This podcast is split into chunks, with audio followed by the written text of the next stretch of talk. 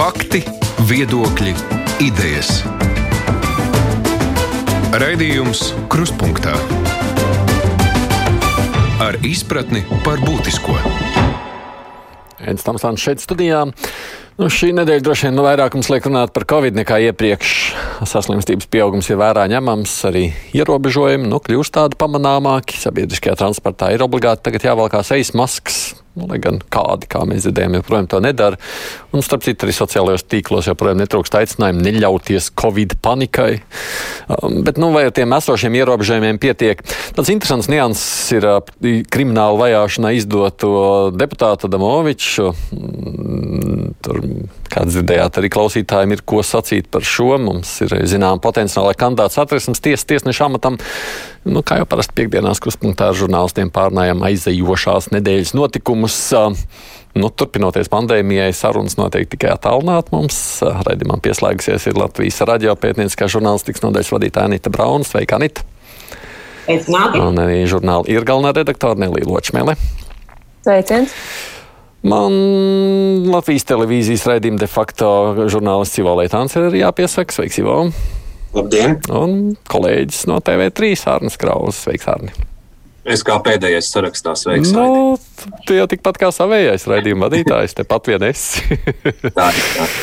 Par to pieaugšo saslimstību. Pirms, ko sakāt par tiem skaitļiem, kāpēc tā situācija paliek tā strauji sliktāk, Arni, ko tu domā par to visu? Nu, um, Es pats šodien esmu laukos, un uh, es pirms stundas biju Madonā. Un, un, un Madonas novads uh, tajā kartē skatoties, joprojām ir baltais. Tad, tā ir vieta, kur, kur, kur Covid nav konstatēts jau, jau krietnu laiku. Līdz ar to varbūt uh, esot ārpus pilsētas, un, un, un, un, un tā sajūta varbūt ir.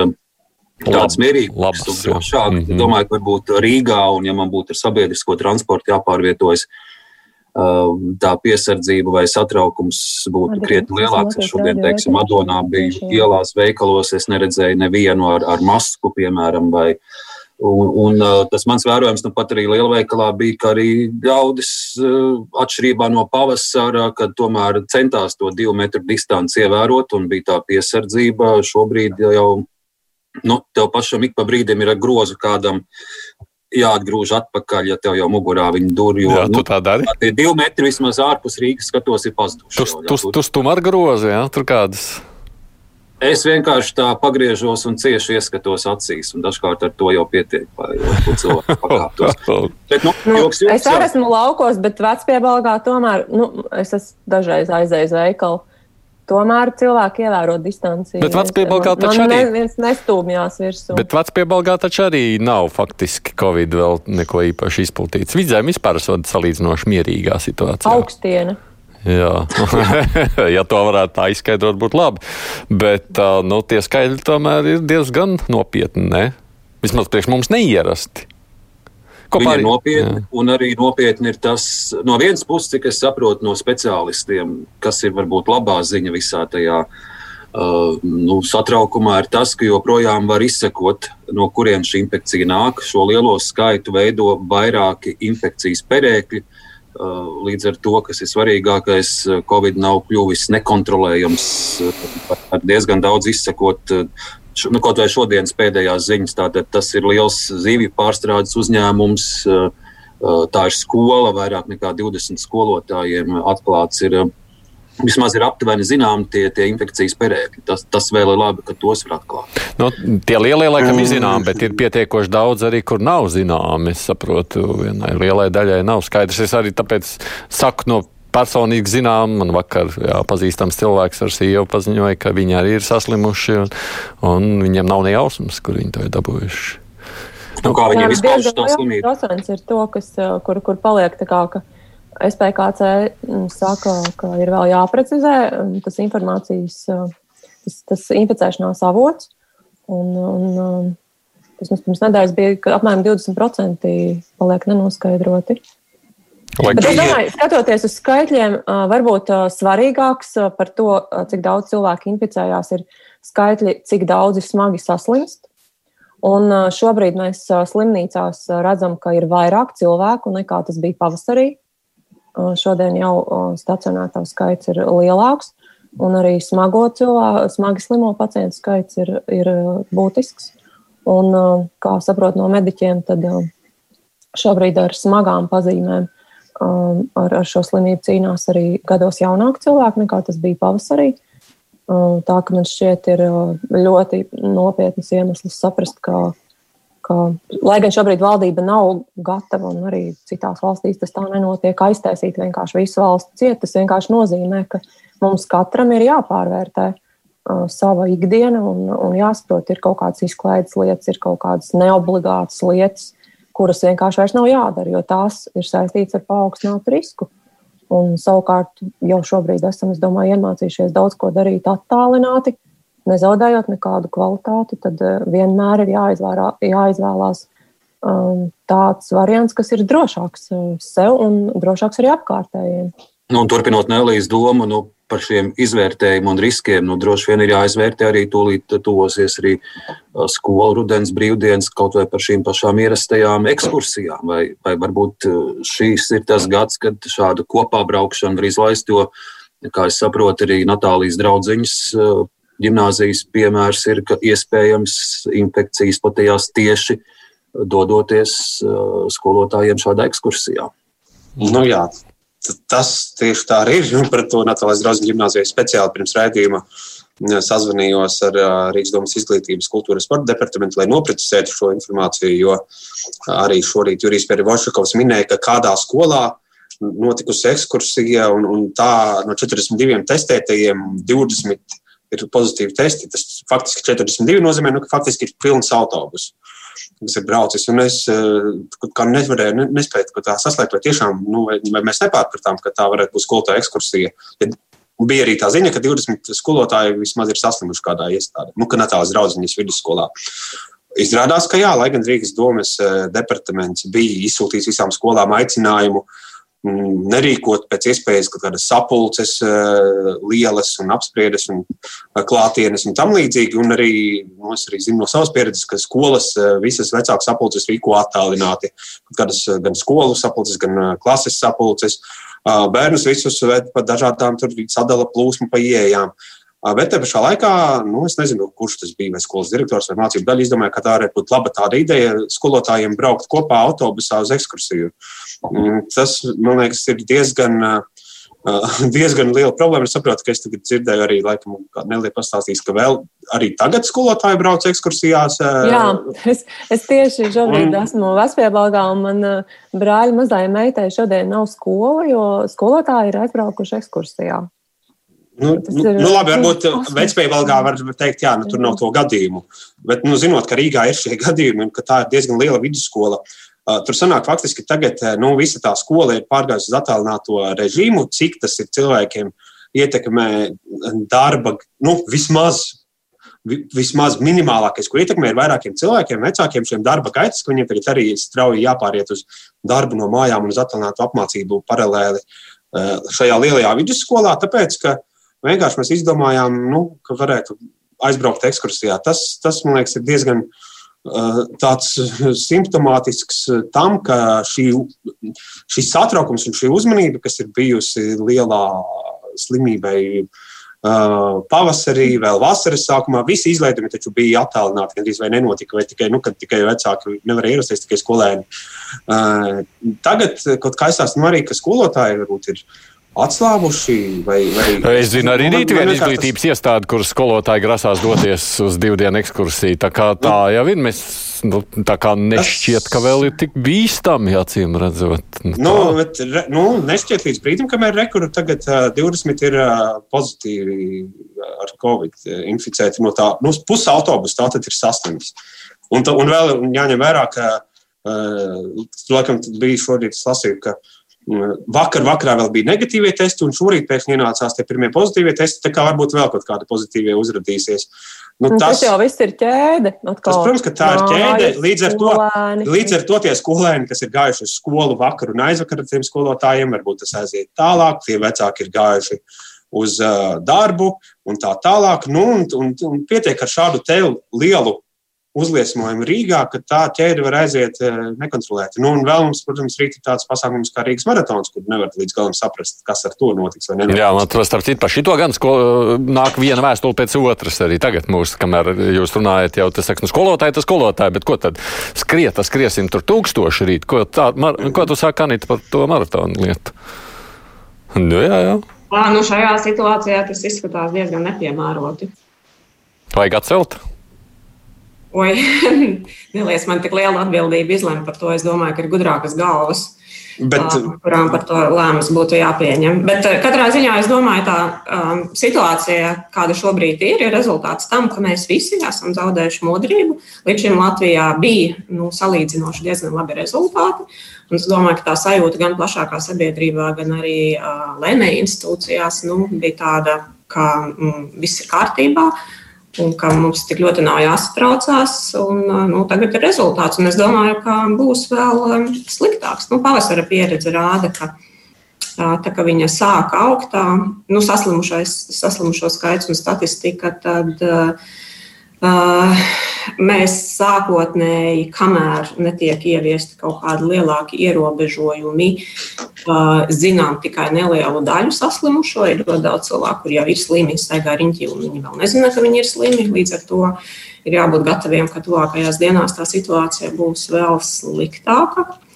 Līdz ar to, nu, man liekas, jā, tas pamata aicinājums šobrīd ir gan katram cilvēkam padomāt par to, kur viņam ir jāiet un kas jādara, vai tas tiešām ir nepieciešams. Un otrs, es domāju, ka valdībai ir šobrīd jālem par stingrākiem uh, ierobežojošiem pasākumiem. Es nedomāju, ka ir visa valsts jākopē ciet tagad, bet uh, droši vien, ka ir lietas, bez kurām šobrīd varētu iztikt sabiedrības drošības vārdā. Tā skaitā varbūt maratons, bet tur tiešām es labāk gribētu, lai to lēmumu pieņem Uga Dumpis un Jurijs Perevošķikovs. Nevis, nevis Anita Brauna, jā. Es varbūt paturpināšu par maratonu, pavisam īsi par maratonu. Es saprotu pēdējo stundu ziņu, ka šobrīd arī maratona rīkotāji ir speciālistiem spriež, ko piemēram darīt ar, ar bērnu maratonu. Iespējams, tur kādas izmaiņas būs. Nu, es pats domāju, ka varbūt nu, nevajadzētu tā, ka vispār pilnīgi visu atcelt un, un, un aizliegt. Man šķiet, ka, ka, ka daudz maz saprātīgi būtu, ja varētu ļaut skriet tiešām garo maratonu un pusdistanci, jo tie ir salīdzinoši maz cilvēki. Tie ir uh, cilvēki, Trenēti kuri cilvēki. ir grūdīti, trenēti, kuriem ir būt spēcīgāka veselība, bet uh, nu, to lielāko burzmu jau rada tie, kas šo piecīti skrien. Ja? Un, un, nu, to gan varbūt, ja kāds rīt nu, ļoti, ļoti grib skriet vai parīt, nu, tad nezinu, pa biķernieku mežu vai kaut kur kādu stadionu. Nu, ja, bet, um, Bet tie, tie, tie skrejēji, kas tiešām ir varbūt pusgadu gatavojušies šim, šim garajam maratonam vai pusmaratonam, viņi nebūtu nav tik daudz, tie nav desmit tūkstoši, tiem varbūt varētu ļaut.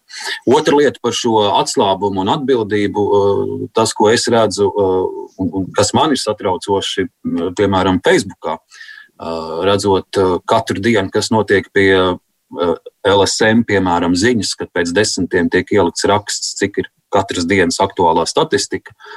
Uh, tur uh, nu, ar dienu un tie komentāri, kas ir kā par vienu vairāk, kur, kur ļaudis saka, ka žurnālisti melo, ka, ka paši žurnālisti vai viņi ķel šos skaitļus izgudro, ka nekāda covid nav. Vai tad jūs vispār pazīstat kādu, kas ir saslims un kur nu vēl nomirs?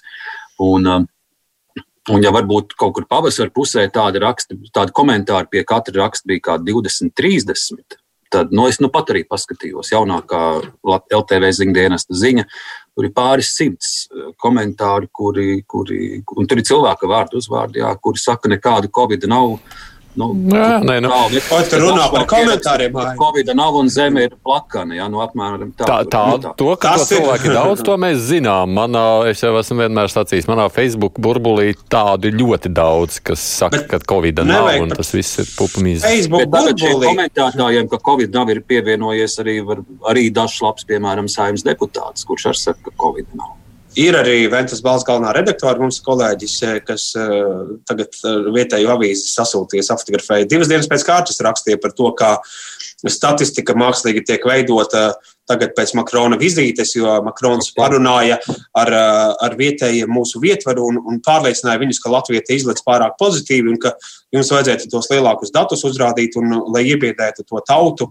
Un, nu, nu, tādā garā, nu, divas dienas pēc kārtas līdzīgus komentārus uh, Ventas balsts cienījumā redaktore Mertines kundze uh, tieši šādus te uh, savā redaktora slējā, otrajā lapā visai Ventspilī un Ventspils novadam raksta. Uh, Nu, mēs pat varam nerunāt par kādiem Facebook anonīmiem nu, vai neanonīmiem nu, komentētājiem, bet eh, šī ir nu, reģionālas avīzes, eh, no pašvaldības dotācijas visāda veida saņemošas galvenās redaktores pozīcija, ko viņa arī izplata.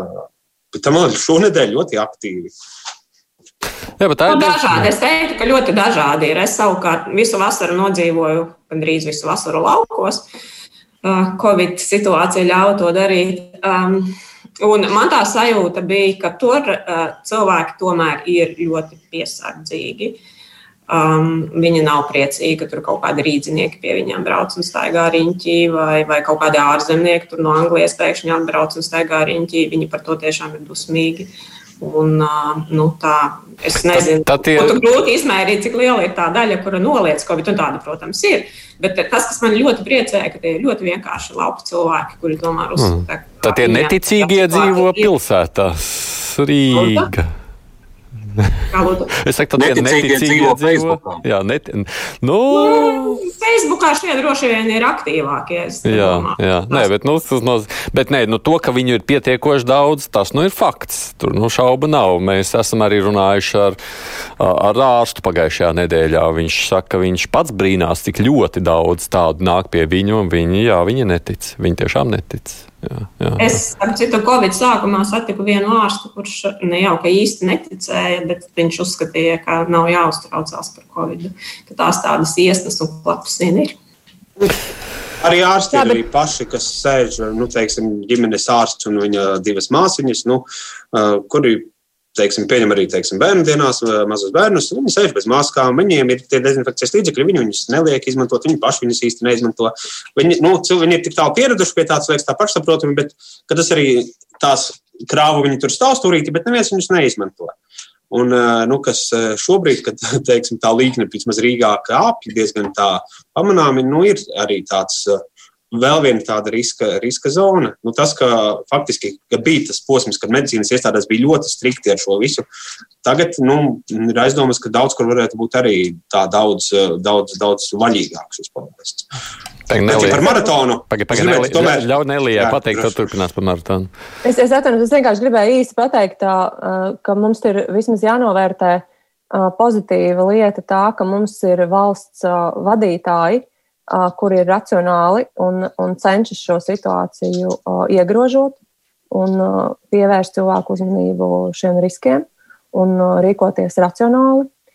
Jo, diemžēl, ir citas valstis ļoti liels, kuras vada covidioti. Un, teiksim, Trumps ir, ir šāds piemērs, kur es domāju, tā, tā viņa murgu, tiešām murgu izplatīšana miljoniem cilvēku, es domāju, ir tik bīstama un, un, un tas vienkārši vēl iedzīs nāvē vairāk, vairāk cilvēku. Tā ka vismaz šajā ziņā, es domāju, mēs varam būt pateicīgi arī paši sev, ka mēs esam ievēlējuši cilvēkus, kas tic zinātnē, kas, kas rīkojās racionāli. Tas vismaz ir pozitīvais. Jo es domāju, tādos krīzes situācijās, protams, vienmēr sarosās kāds atzvērstības teoriju piekritēji un, un cilvēki mēģina neredzēt faktus un nevēlas uh, uh, mainīt kaut ko savā dzīvē, kamēr viņi, viņiem Nu, kādi jau politikā darīt. to izmanto, ne jau tikai Amerikā, mums jau arī Latvijā, kā jau Arnēs pieminējās, ir cilvēki, kas labprāt to izmanto savai politikas popularitātes celšanai. Nu, tā kā pietiekoši daudz to neticīgo ir, tad arī ir vērts politiski tur to spēlēt. Tāds arī notiek. Bet, jā. bet tas sasaucas ar to maratonu stāstu tādā ziņā, ka teiksim, daži no šiem politiķiem, kurus vārtā negribu saukt, bet nu, viņi to izmanto kā argumentu, ka uh, kā tā maratons ir atļauts, bet te uh, sabiedriskajā transportā jāvelk maskas, un, un, un, un tāpēc mēs arī pulcēsimies un iesim tur ielās, laukumos, kur tur vēl. Uh, nu, tāpēc uh, es varu piekrist Nelī, ka mums bija līdz šim ļoti saprātīgi valsts vadītāji. Bet šobrīd vienkārši izskatās šī vilcināšanās un minstrināšanās ap to maratonu. Nu, Tā spēlē tieši par labu šiem nu, populistiem un šiem covid noliedzējiem. Tāpēc, ka uh, Viņi var leģitīmi teikt, rekurors skatieties, bet kāpēc tā maratona neaizliedz un visu, ko mēģina ierobežot? Vai tas maratons nav bīstams? Un tas, ko mēs varam vienkārši darīt šai raidījumā, vismaz nu, Nevis, protams, uzņemties atbildību un pateikt, ka vajag aizliegt, bet mēs varam aicināt cilvēkus, kuri tiešām nav maratonisti, pusmaratonisti, kas ir trenējušies visu gadu to skriet, bet kuri tiešām to 5,5 km gribēja skriet vai iet tajā bērnu skrējienā, bērnu svest. Aicināt viņus, nu, varbūt padomāt, un varbūt nu, nu, tā maksa, kas ir samaksāta par to, marato, par to dalību, nu, varbūt nav tik pārmērīgi augsti, lai viņu nevarētu noziedot un tomēr neaiziet. Un tomēr tiešām, kā teica Arnijas, paskriet kaut kur mežā vai kaut kur nu, gar jūru. Eh, jo tas, tas, tas, man liekas, tiešām būtu katram cilvēkam, pat neņemot vērā, ko tas maratona rīkotāji beigās izdomās, vai kādi varbūt būs iestāžu lēmumi. Vajadzētu katram pašam nu, mēģināt padomāt un, un, un mm. nerīkoties šādi. Un tev vēl īsi jāatgādina, ka Rīga būs viena no retajām galvaspilsētām, kas šajā Covid laikā vispār rīkos maratonu. Ir vesela virkne garš saraksts ar pilsētām, kuras ir atcēlušas vispār nekādu maratonu. Nu, vai pārcēlušas uz nākotni. Mums jau arī tika pārcelts no pavasara, jā, un es vienkārši šodien izlasīju to citātu, ka mm -hmm. uz laiku, kad visi kopā Latvija un pasaule būs pārvarējuši šo Covid ārkārtējo krīzi, nu, tad, nu, tur var ironizēt, protams, un var ļoti melni ironizēt, ka tad jau tiešām jau līdz sestdienai mēs visu būsim atrisinājuši. Jo tajā pavasarī tas uh, līmenis mums bija zemāks nekā šobrīd. Krietni. Jā, Nelī. Nu, es, es gribēju divas lietas piebilst. Viens par maratonu. Es piekrītu tam, ko kolēģi teica par šo tā, um, piecīšu skrējējiem. Tas tiešām varbūt. Es vispār domāju, ir vērts, vērts padomāt, kad, kad tu uzņemies kaut kādu risku, ka tu ej kaut kādā pūlī, ka tu lien iekšā kaut kādā vietā, kurā principā tu vari saslimt. Vai tas ir tā vērts? Jo tā jo tā riska latiņa ir ļoti augsta. Jo iespējams, eh, nu, šī ir slimība, no kuras jebkurš var nomirt, nezinot, eh, eh, vai tu esi konkrētajā kaut kādā riska grupā vai nē, jo līdz galam tas nav izpētīts. Nav līdz galam skaidrs, kāpēc. Kāpēc ir cilvēki, kuri nespēj šo vīrusu izslimot, un kāpēc ir citi cilvēki, kuriem tas vispār neko mm, nekaitē? Tāpēc tādu striktu to riska grupu nav. Man liekas, tas ir tas svarīgākais atzinums. Un jāatcerās arī, jebkurā lietā, ko tad epidemiologi un infektuologi saka. Skriešana laukā jau nav tas, kas ir kaitīgs. Skrējiens pats par sevi jau nevar tevi inficēt. Šī pulcēšanās, šī drūzmēšanās, tas ir tas risks, kas būtu jānovērš. Tas nozīmē, ka jā, jā, ja šo piecīšu skrējēju, teiksim, no, piecīšu skrējējus noņem nost, es domāju, ka tie ir īstie maratona skrejēji iespējams nav tik daudz, un tur var kaut kā izratināt viņus. Bet es, es piekrītu, es arī neesmu tik kompetenti, lai izlemtu, vai un ko ir. Bet pabeidzot šo tematu, jā, vispār kā tādu, mums vajadzētu strikt, striktāks ierobežojums. No Anita izteicās, ka vajadzētu. Ko jūs pārējie sakāt? Vai kaut ko domāt valdībai nākšajā virzienā? Jo Iespējams, jau toreiz tieši tās ļoti striktie ierobežojumi viena daļa cilvēku padarīja piesardzīgu, un tāpēc mēs pavasarī noturējāmies ar zemiem slimības rādītājiem. Šobrīd tāda, nu, tāda atslābšana, acīm redzot, ir arī tas seks nesusi. Bet ko un kā?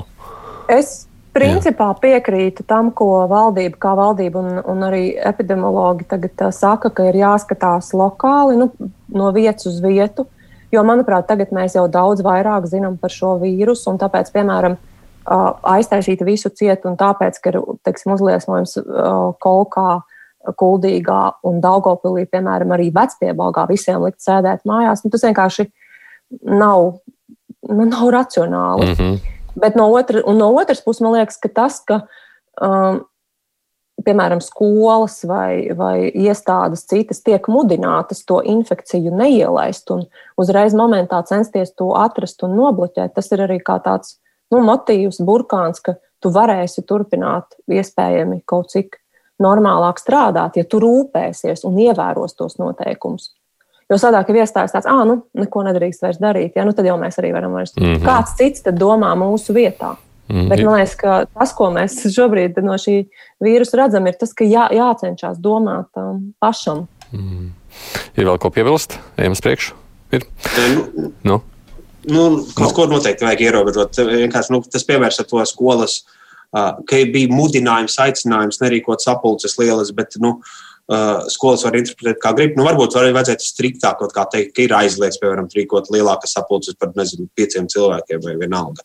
Vai ir aizliegtas uh, skolotāju ekskursijas, kas ir ļoti liels riska faktors, liel, nu, radīt lielu perēkli visā skolā un līdz ar to un ģimenēs tālāk, kas tajā skolās mācās. Varbūt šādas lietas, kuras ir it kā tā ne līdz galam pateiktas, nu, izējot arī no pieredzes, būtu kaut kā striktāk jāatrunā. Iespējams, arī ir lietas, kuras ir noteikti likumā, bet tās nevar. Piemēram, izrādās kā par tām uh, maskām. Mm -hmm. Jo taču paziņoja kaut kad, ka bija pat rakstīts, ka uh, anotācijā, ka patiesībā šis ierobežojums, nu, ja ir pilns savu transporta lietot maskas, ir jau spēkā visu laiku, bet mēs vēlreiz uzsversim, ka tas ir jādara. Jo cilvēki jau to vienkārši neuztver. Nu, jau kopš vasaras tas tāpat bija. Mm, tas bija gan tā, bija rekomendējoši, tā tas ir obligātā kārtā. Mm. Labi, ejam uz priekšu citiem tematiem runājot. Tikai atgādināšu, šeit mums diskusijā iesaistījusies Nelija Ločmēla, kas vada žurnālu ir, mans kolēģis Ivo Leitāns no Latvijas televīzijas raidījuma de facto, Arnas Krauz no TV3, Anita Brauna, tāpat Latvijas radio pētnieciskā žurnālistikas nodeļa. Raidījums Krustpunktā. Par Adamoviču izdošanu krimināla vajāšanai, ko jūs sakāt par to? Tur tas notiekošais ir interesants. Tātad kompensācija izkrāpšana. Saimā mēs varējām dzirdēt šaubas par to, vai tiešām vajag uzreiz tik bārgi. Varēja taču vispirms brīdināt deputātu, lai tā nedara. Mans iepriekšējais studijas viesis teica ļoti labi, tā vajag, knabam žetons. Jūsu domas par šo? Kurš sāks? Ja drīkst, es varu īsi sākt. Es, kad tajā pirmajā dienā izdzirdēju šo ziņu, vēl nebija dzird, zināms deputātu uzvārds. Man likās, o, nu, kādu laiku no knaba nebija nekādu ziņu par kādu lielo zīvi, kas būtu viņu tīklos iekļuvusi. Nu, varbūt tā beidzot kaut kas atkal ir, ir tāds pamatīgāks knaba izmeklētājiem uzķēries. Un pēc pāris stundām, kad kļuva zināms, par ko ir stāsts, par 80 eiro degvielas uh, čeki un un tie 2000 par, par, par dzīvokļu kompensāciju. Uh, no vienas puses man likās, uh, vai tiešām saimnes deputātiem pēc šī lielā nesmukuma iepriekšējā sasaukumā Raskautu kļaviņu un, un viņa šmuguļiem ar, ar kompensāciju naudu nekādas mācības tas nedēļa. No otras puses, es sāku domāt, protams, 80 eiro valsts naudas ir svarīgi. Katrs eiro ir svarīgs, bet es tā domāju, cik lielu resursu knab ir ielicis uz šo iespējamo noziegumu. Tur tā tad bija. Cik var saprast, telefons ar un noklausīšanās, izsakošanas. Tur noteikti vairāki izmeklētāji un, un, un, un tas jau no augusta sākuma tas viss process jau. Cik liels um, knab resurss uz šo visu tiek ielikts uh, laikā, kad notiek Uh, lielie iepirkumi, lielās būvniecības uh, uh, pasūtījumi, kur, kur gan ir tiešām vērts varbūt kādreiz arī paklausīties un kaut ko noklausīties. Nu, tur, protams, nu, jāsaprot, kas tur ir, cik var saprast par to degvielas lietu. Nu, tur pats deputāts zināmā mērā atzīst, ka kaut kas ir bijis, ja reiz viņš pats ir atskaitījis to visu atpakaļ. Uh, par to dzīvošanas lietu. Nu, tur arī šobrīd var noprast, par ko ir stāsts. Ka, ka tā tad var saprast, ka dēls ir tajā dzīvoklī vairāk dzīvojis nekā pats deputāts. Nu, jā, jā, jāredz, jāredz kaut kāda vēl papildus fakta, kas tur būs. Bet man, man tīri tā samērība, man likās, nu, tur ir pamatīgs resurss ieguldīts no, no knapa puses uz. uz uz šādu stāstu. Un otrs puses man ir žēl, ja tiešām pēc iepriekšējā nesmukuma mm. nekādas mācības deputātiem nav bijušas. No, ko cits saka par to Anita? Man īstenībā ir ļoti līdzīgas sajūtas. Nu, no vienas puses nu, izskatās tas nesmuki patiešām, kas ir noticis. Ja Alvis Adamovičs ir par saimnes uh, dabūto kompensāciju noīrējis faktiski dzīvokli savam dēlam, tad tas ir muļķīgi un par to ir jāsoda, jāatbild. Nu, tā vienkārši nedrīkst darīt. Nu, tas tāds nu, īstenībā tāds. Oh, varēja iztikt bez tādas krāpšanas. Stulbi vienkārši. Ja? Nu, jā. Um, no otras puses, man tiešām arī ir um, pārdomas par samērīgumu šajā laikā. Tad, kad es tajā pirmajā vakarā ieraudzīju tos pantus, kas viņam ir inkriminēti, un tieši tie bija trīs likuma panti, tur bija krāpšana, dienas stāvokļa, ļaunprātīga izmantošana, un vai tik nebija viltojums, tad man tā sajūta radās, ka tas ir kaut kas līdzīgs kā Lemberga krimināllietā ir noticis. Um, līdz ar to, nu, uh, jā, vai tiešām vajadzēja tik daudz tos pantus šeit piesaukt. Un tajā pašā laikā man bija pārdomas, jā, arī par to. Nu, nu patās ģenerāla prokuratūra izbeidza lietu pret Ēriku Kalmējeru, kurš bija nopludinājis informāciju un faktiski, kā var saprast, vairāk vai mazāk izjaucis vienu um, knāba operatīvo darbību. Um, mēs zinām daudzas citas lietas, kuras ir beigušās ar neko. Oligarhu lietu. Nu, to izmeklētāji nevarēja pacelt. Un tad vienam deputātam metās virsū ar trīs uh, krimināla likumā bargiem pantiem. Nu, par to es domāju. prātā salīdzinājums, piemēram, Truksnes un viņa jūrmālas iespējamā dzīvokļa lietu. Ne ar ko beidzās. Hmm. Jā, es, es arī piekrītu, ka es pat to necauktu par samērīgumu, jo skaidrs, ka knābam ir noteikts amatpersonu lokus, kas viņiem ir jāpārbauda. Un katra lieta, ko šie cilvēki, amatpersonas pārkāpj, ir jāpārbauda un, un jāizmeklē, un, un šie, šie pārkāpumi par tiem jāsaņem sots. Bet, manuprāt, jautājums ir par to, ko tad īsti knāpus var izdarīt. Kas ir tas nu, svarcēlāji, ja tu uzliec tur 100 kg, 200, 300, cik tu vari pacelt? Ja? Un tad, ja beigās izrādās, ka pacelt tiešām un novest līdz tiesai var šādu vienkāršu, nu, salīdzinoši nelielu summu krāpšanu, tad tas ir traki. Jo kaut vai tikko mēs redzējām, kā no taureņa pirts sarunām tika izbeigta lieta, kur ir aizdoms īstenībā, ka katru mēnesi Latvijas energo vadītājs saņem kukuli, iespējams, ja, vairāku desmit, tūkst, nu, desmit vai cik tur bija tūkstoši apmērā, ja, no kāda uzņēmēja ja, par to, lai lai viņa intereses tiktu visu laiku pārstāvētas lielākā valsts uzņēmumu valdes līmenī. Vai tur ministrē tiek maksāta iespējams kaut kāda kukuļa. Un tur neko nevar, neko vienkārši neizdodas pierādīt. Mēģināja, bet nu nekas nesanāca. Nu, tad man liekas, nu, jācenšas ir labāk šajās lietās. Un to nevar tā kompensēt ar to, ka nu, šajās lielajās lietās mums nu, nekas nesanāca. Bet nu, tāpēc tomēr mēs, mums kaut kādu statistiku vajag, kaut kādu rezultātu mums lietās vajag, nu, tad šīs būs tās lietas, eh, kur mums būs tas eh, spriedums tiesas eh. Es tik īsi vēl paturpinot Nelī, man liekas, ka būtu labi, ja šī deputāta Damoviča lieta vispār pievērst uzmanību šai saimnes deputātu kompensācijas sistēmai un, un cik, cik šīs kompensācijas ir samērīgas, jo dažos gadījumos man šī tabula šobrīd ir priekšā. Nu, tā pat īsti neizskatās pēc kompensācijas. Dažām deputātām tā ir trešdaļa no viņa algas, tie ir 800, 850 eiro. Tāda arī, piemēram, šī paša transporta kompensācija. Nu, tur arī daudz var paskatīties saimnes mājaslapā, visi šie dati ir publiski. Labi, es saprotu, šī dzīvokļa ir, bet ir virkni deputāti, kuri, piemēram, no saimnes, no valsts budžeta prasa 19 eiro transporta kompensāciju. Nu, piedodiet, vai tiešām no 3000 algas starp diviem un trim tūkstošiem deputātiem, vairākumam to pie trīs tūkstošiem. Nu, vai tiešām par, no šādas algas tev vēl ir papildi jāprasa 19 eiro par, par tramvaju biļešu kompensāciju, piemēram? Un ir virkni deputāti, es skatos, piemēram, Jūras Rancāns un, un Romāns Naudiņš kuri var saņemt, viņiem pienāks par 700, 800 eiro kompensācijas. Viņi izvēlas šādu kompensāciju neņemt. Turpat blakus ir deputāti, kuriem pienāks teiksim, 800, un viņš katru mēnesi šo maksimālo 800 arī izņem.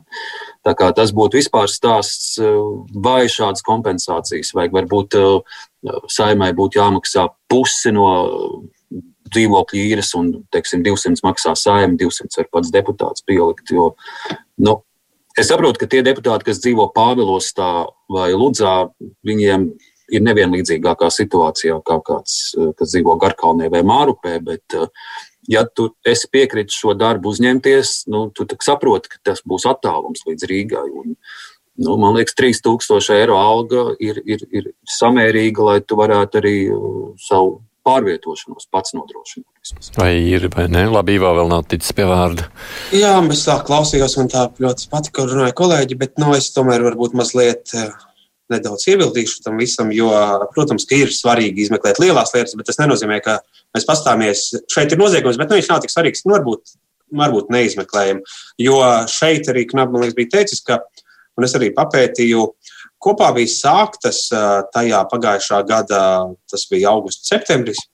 Vispār kādi, ja nemaldos, kā 13 vai 14 krimināla procesi, kas bija sākti saistībā ar šīm kompensācijām. Tas nozīmē, ka tomēr Knabs tādu sistēmisku darbu tur veica. Uh, ka, uh, un, uh, kā saprotu, tā bija jāsāk krimināla procesa, jo citādi to informāciju pārbaudīt nevarēja kā citām metodēm.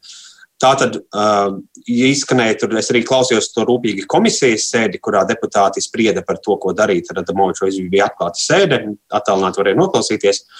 Tur tika pārmests, ka nu, kāpēc jūs tā uzreiz sodat, kāpēc nevarējāt pabrīdināt. Nu, šajos 12 gadījumos, kur tomēr nevarēja, vai kur ne, bija saskatāms, ka varbūt tur nav krimināla pārkāpums, eh, nekāds tur tā lieta tika izbeigta. Šeit, acīm redzot, gan knapi, gan arī pēc tam prokurors saskata, ka šeit tomēr eh, kaut kāds noziegums, cik nu viņš tur smags izskatās vai neizskatās, tas ir cits jautājums eh, pēc nosaukuma. Bet, nu, teiksim, krāpšana tur ir tā pirmā daļa, kas ir visvājākais. Bet, bet nu, tur izskatījās, ka bija. Nu, pēc likuma nav īsti tiesību ne knabam, ne prokuroram šādā gadījumā vienkārši izdomāt, ka nu, izbeidzam to kriminālu procesu, jo nav, nu, kas tur parasti nav sastāva vai neizdevās pierādīt. Te ir sastāvs, te izdevās pierādīt, nu, te ir jāvirza šī lieta. Uh, un uh, vienkārši man vairāk likās, uh, nu, teiksim, Šobrīd saimnes darba tas īpaši neiztraucēs, jo deputāta mandāts nekādā veidā netiek apturēts. Viņš varēs piedalīties saimnes darbā, viņš varēs iet un tiesāties, pierādīt savu taisnību.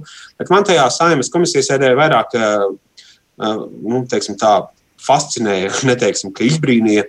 Tas, kā deputāti nodarbojas ar to, kā viņi audzināja knabu, kā viņi audzināja prokuratūru, kā viņi stāstīja par to, ka šīs mums te grib kaut kādu birokrātiju lieku tur uh, nodarboties un kaut ko. Un kāpēc, ja deputātam pienākas maksimālais limits, ja reizē maksimālo, kāpēc viņam vēl kaut kas kaut ko piekasās? Un, nu, bija, bija, bija šādas. Nu, Man tā likās, ka tomēr nedaudz šie deputāti pa diviem gadiem, daļa no viņiem, kas arī bija jauni deputāti, ienākuši saimā, sāk atrauties no realitātes. Sāk domāt, ka tas kā, mm, ir pašsaprotami, ka man pienākas nu, līdz 800 eiro par dzīvokļa kompensāciju un vēl tur vairāki simti par degvielu. Uh, Un, un kāpēc man te kāds kaut ko grib, lai es kaut ko atskaitos, un, un kāpēc es nevaru to naudu pelnīt kā gribu? Askots Kaņš savulaik teica, ka viņš jau bija praktiskais latvietis par to, ka viņš piedeklarējās Liepājā un, un lēja savu un to saimnes benzīnu tur savām firmas mašīnām, ja nemaldos. Tā, tā tas bija.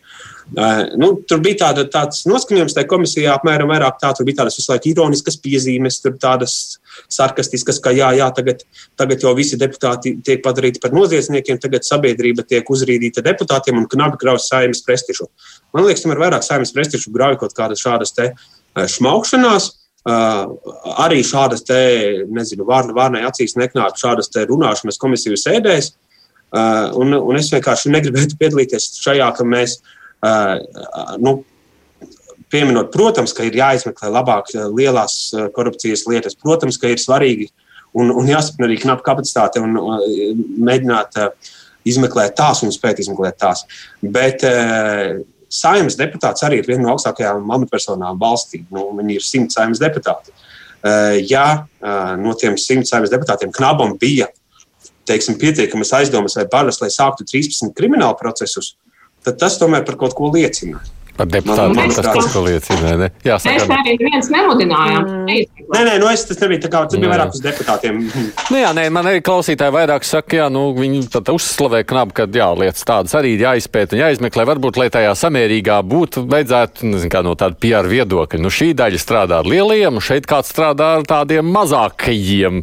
Jo, nu, tur pagājušajā nedēļā tāpat bija ziņa, ja, ka tur kas tur ir sodīts, neatceros, kur, kuras, kuras tās, vai veselības inspekcijas vadība, vai kurš tur bija sodīts par to, ka ļauj mašīnu turēt pie mājas, vai ne? Nu, kaut kādas tādas lietas, ko arī knapi nodarbojas un saka, nu labi, redz, tur lielās lietas nevar pacelt, tad sod par to, ka mašīna tur pie mājas. Nu, varbūt tad viena nodaļa nodarbojas ar tādām mazajām lietiņām, vismaz to publiski pateikt. Nu, tad līdz šeit mēs cenšamies kaut ko arī Bet jums, kolēģi, nešķiet, ka vispār šī kompensācijas sistēma kaut kas būtu jāapskatās. Jo es skatos Nē, arī Ramonu Petrāviču, viņa ir, viņa ir ministri, viņai tā tad ir ministrs auto. Man tā būtu domāta.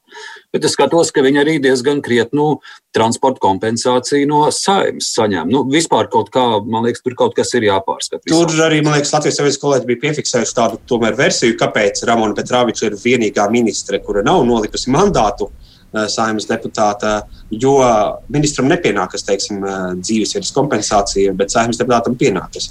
Un, uh, tur jāstāsta, vai viņai nav arī tā dzīvesvietas kompensācija svarīga. Un, uh, nu, jo tā ir, tā ir ievērojama, gan arī 500 eiro viņi saņem ik mēnesi. Nu, jā, bet redziet, šīs ir lietas, par kurām mēs esam pat savulaik runājuši krustpunktā un atceramies ne šīs saimnes laikā, iepriekšējās saimnes laikā tur, un arī pirms tam iepriekšējās. Tur nekas nav nekad mainījies, jo deputāti jau nav ieinteresēti par to runāt. Nu, nevarētu sacīt, ka, de, ka mēs kā žurnālisti ļoti bieži par to runāt. Jo, nu, salīdzinoši, kā jau jūs sakāt, nu, nu diezgan jau tāds uz lielo lietu fona tāds sīkums. Mums nepietiek gribēšanas, tur baigi daudz enerģijas tam arī veltīt. Tāpēc tāds vienmēr ir gājis gadu no gada. Nu, tagad būs iemesls pievērsties. Nu, pievērsties arī. Cerams, jā, ka kaut ko tas mainīs. Es a, gribēju pieminēt arī satversmes tiesas gaidāmā tiesneša izraudzīšanu. Nu, ir šobrīd vairākas kandidātas iesniegtas, iesniegtas jā, jeb, jeb pieteiktas. A, Kā jūs tās vērtējat? Es domāju, ka noteikti starp šiem ir iespējams izvēlēties. Mums jau vajag tikai vienu. Uh, tas ir labi, daudz. ka mums ir konkurss tagad. Jā, cik mums uz to vienu vietu? Jā, pieci vai tas cik ir, tad ir? Jā, pieci. Jā, tas ir ļoti labi. Nu, es, es, es gribētu droši vien izvēlēties uh, cilvēku, kuram ir nopietna doktora disertācijas tēma. Tas nozīmē, ka tomēr ir, ir kaut kāds darbs akadēmisks ieguldīts, lai izglītotu sevi tajā jomā. Tur mums arī vairāki no kandidātiem, man liekas, ir tādi. Jā, jā. Nu es, ar to es gribu teikt, ka, ja, ja tev nav tādas nopietnas disertācijas, nu, tad varbūt nevajadzētu uz to kandidēt. Un otrs, es domāju, ka arī varbūt nav vērts vēlreiz mēģināt iekāpt upē.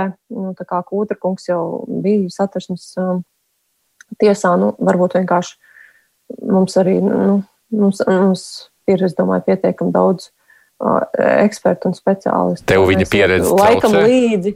Nē, vienkārši es domāju, laiks iet, katrs ir sev pierādījis. Vienkārši ejam tālāk, meklējam jaunākus cilvēkus, meklējam, kāds ir varbūt ar labāku izglītību, ar, ar modernāku pieredzi. Man liekas, ka tas ir mhm. būtu sakarīgāk.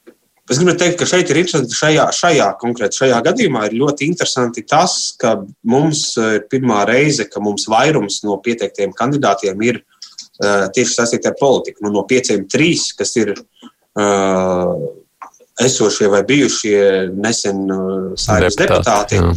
Un, uh, un tas kaut kā rāda, ka mums pāriet varbūt nezinu, no nu, tagad ir aktualitāte globāli, tur tiek runāts par ASV konstitucionālo tiesu, ka, ka partijas sāk domāt par to, ka tām vajadzētu savas, teiksim, nu, nosīt ideoloģijas pārstāvjus virzīt vairāk satversmes tiesā. Agrāk tur runāja vairāk, ka šis ir tāds speciālists krimināla tiesībās, šis ir vairāk tāds kaut kādās konstitucionālās, šis ir valsts tiesībās un tā, vai šis ir civillietās, civiltiesībās, bet tagad izskatās, ka kaut kā nopozicionē to kandidātu virzot, nu, man tāda sajūta rodas, ka, nu, pa viņam tādām, ka šis tāds konservatīvāk domājošs, šis tāds liberālāk domājošs, un ka nu, pat abstrahējoties no kuru tur gal galā ievēlēs, bet tas, ka nu, partijas konkrēti virza uh, kandidātus un arī runā, ka mēs tur uzklausījām, mūsu redzējums nepārliecina, šis varētu arī nākotnē.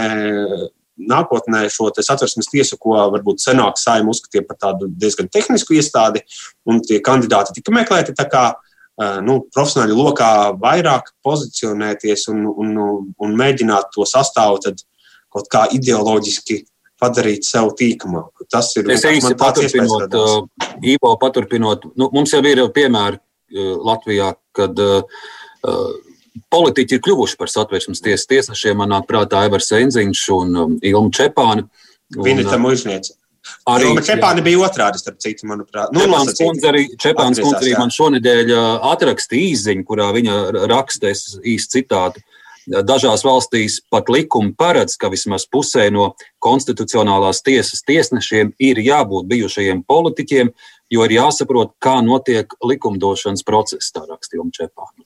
Jāatgādina šeit arī Vineta Mužniece, tad arī, ka bija satversmes tiesas tiesnese, un tad varbūt var rasties dažādas pārdomas. Nu, jāatgādina arī, ka paši juristi aprindās šobrīd ir diskusijas, vai varbūt ir laiks uh, paplašināt uh, šo satversmes tiesas tiesnešu loku ar, ar personām. Varbūt, uh, ja līdz šim tas bija patiesi augstas raudzes juristi, bet viņi bija nosacīti no tāda profesoru klubiņa vai Latvijas universitātes mācību spēku vai augstākās tiesas tiesnešu klubiņa, ka ņemot vērā, cik daudz un dažādas ir, ir lietas, kas ir jāizskata, ka varbūt tās arī mm, šo cilvēku loku no, no, no tādām dažādām pusēm vēl pieņemt klāt un paplašināt. Anita? Nu, es teiktu, par to nu, saprotu, tā dilēma šobrīd ir, vai um, um, politiķis vai saimnes deputāts var kļūt par satversmes tiesas tiesnesi. Nu, man pašai nav tādas viennozīmīgas atbildes uz šo. Es domāju, ja, piemēram, kā izskatās viena no ticamākajām kandidātēm, varētu būt, piemēram, Ines Līviņa Egnere. Lai viņu ieceltu, nu, kas notiktu? Nu, savā ziņā es domāju, ka viņai nu, tāda aizdoma asta viltos līdzi par to, vai viņa tur nelabēs kaut kādas politiskās intereses un tā, kas viņai pašai būtu slikti.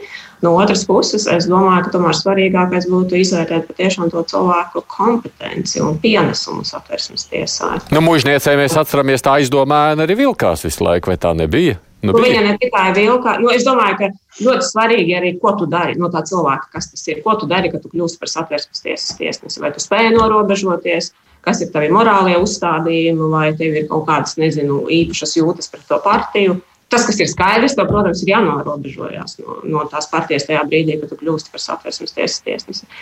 Um, Viena tam mūžniecei, no acīm redzami, to nedarīja. Vai tas nozīmē, ka visi to nedarīs? Nu, nezinu. Tas mūžnieces piemērs ir slikts, protams, kas mums ir atmiņā un liek domāt, ka varbūt ka nevajag no politikas vienu iecelt. No otras puses, tomēr tiešām domāt, ka tas primārais ir tā, tā uh, intelektuālā un juridiskā kapacitāte konstitucionālajās tiesībās. Nu, ja es citēju Jopu Čepānu, tad vēl pavisam īsi viens teikums no viņas. Viņa atgādina, ka no 98. līdz 2006. gadam, kad viņa bija tiesnese, Lībiņa Egnere tajā laikā bijusi tiesneša palīdz satversmes tiesā un esot atstājis ļoti gudru iespaidu. Tāds ir Silvija Čepāna. Nu, labi, jā, bet, nu, kā tu zini, viņas ir no vienas partijas vismaz. Jā. es vēl, es vēl par šo politisko gribēju piebilst. Man liekas, ka būšana politiķim un būšana saimā pats par sevi jau uh, nav ne plus, ne mīnus. Uh, tā ir vienkārši pieredze. Man liekas, svarīgi ir tiešām skatīties, kas ir tā kopējais dzīves gājums šim cilvēkam. Viņš šā, šobrīd, šajā 2020. gadā, kandidē uz satversmes tiesas amatu. Ko viņš ir līdz šim darījis, kas uh, norāda, ka viņš ir kvalificējās tam. Un, un, tu varbūt bijis dažādos amatos, dažādas tavas intereses akadēmiskās. Un, un, Iespējams, atrašanās saimē ir vienkārši viens posms tavā dzīvē, kur tu arī esi iegūst konkrētu pieredzi, kas var nākt par labu.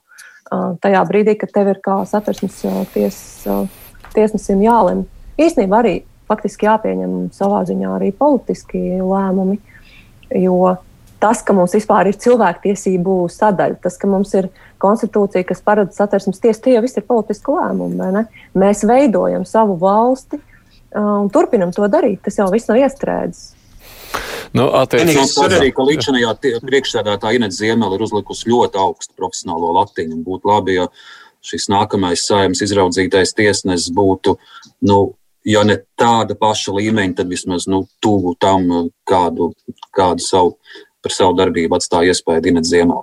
Vienīgais, jā, ka, manuprāt, tādam saimnes deputātam, kas ir bijis vairākus sasaukumus aktīvi saimā un pēc tam vēl no pozīcijas, nu, kā piemēram Lībiņas Egneres kundze, man liekas, ir, ja nemaldos, no 11. gada saimā bijusi.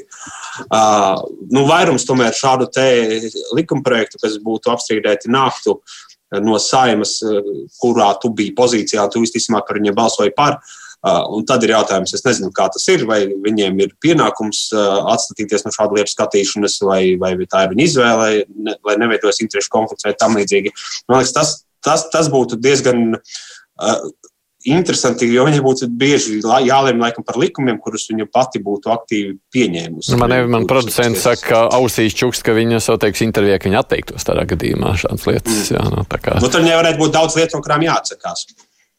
Visai Varbūt, daudz. Jā. Nu, tajā pašā laikā, protams, nav jau, skaid, nav jau šaubu, ka tā politiskā pieredze kaut kādā mērā ietekmē deputātu izvēli. Nu, vienalga, jā, tur ir skūtrs, nu, viņš ir bijis deputāts, balodis ir bijis deputāts, un tā, nu, droši vien jau deputātiem tajā brīdī, kad būs jābalso, nu, viņi turēs prātā visu laiku šo te, nu, politisko greizsirdību, teiksim tā. Un tā jau vispār ietekmē visus tos lēmumus, kādi tiek pieņemti. Vai tur tas, to, tā, no tā var izvairīties? Nevar taču, vai ne?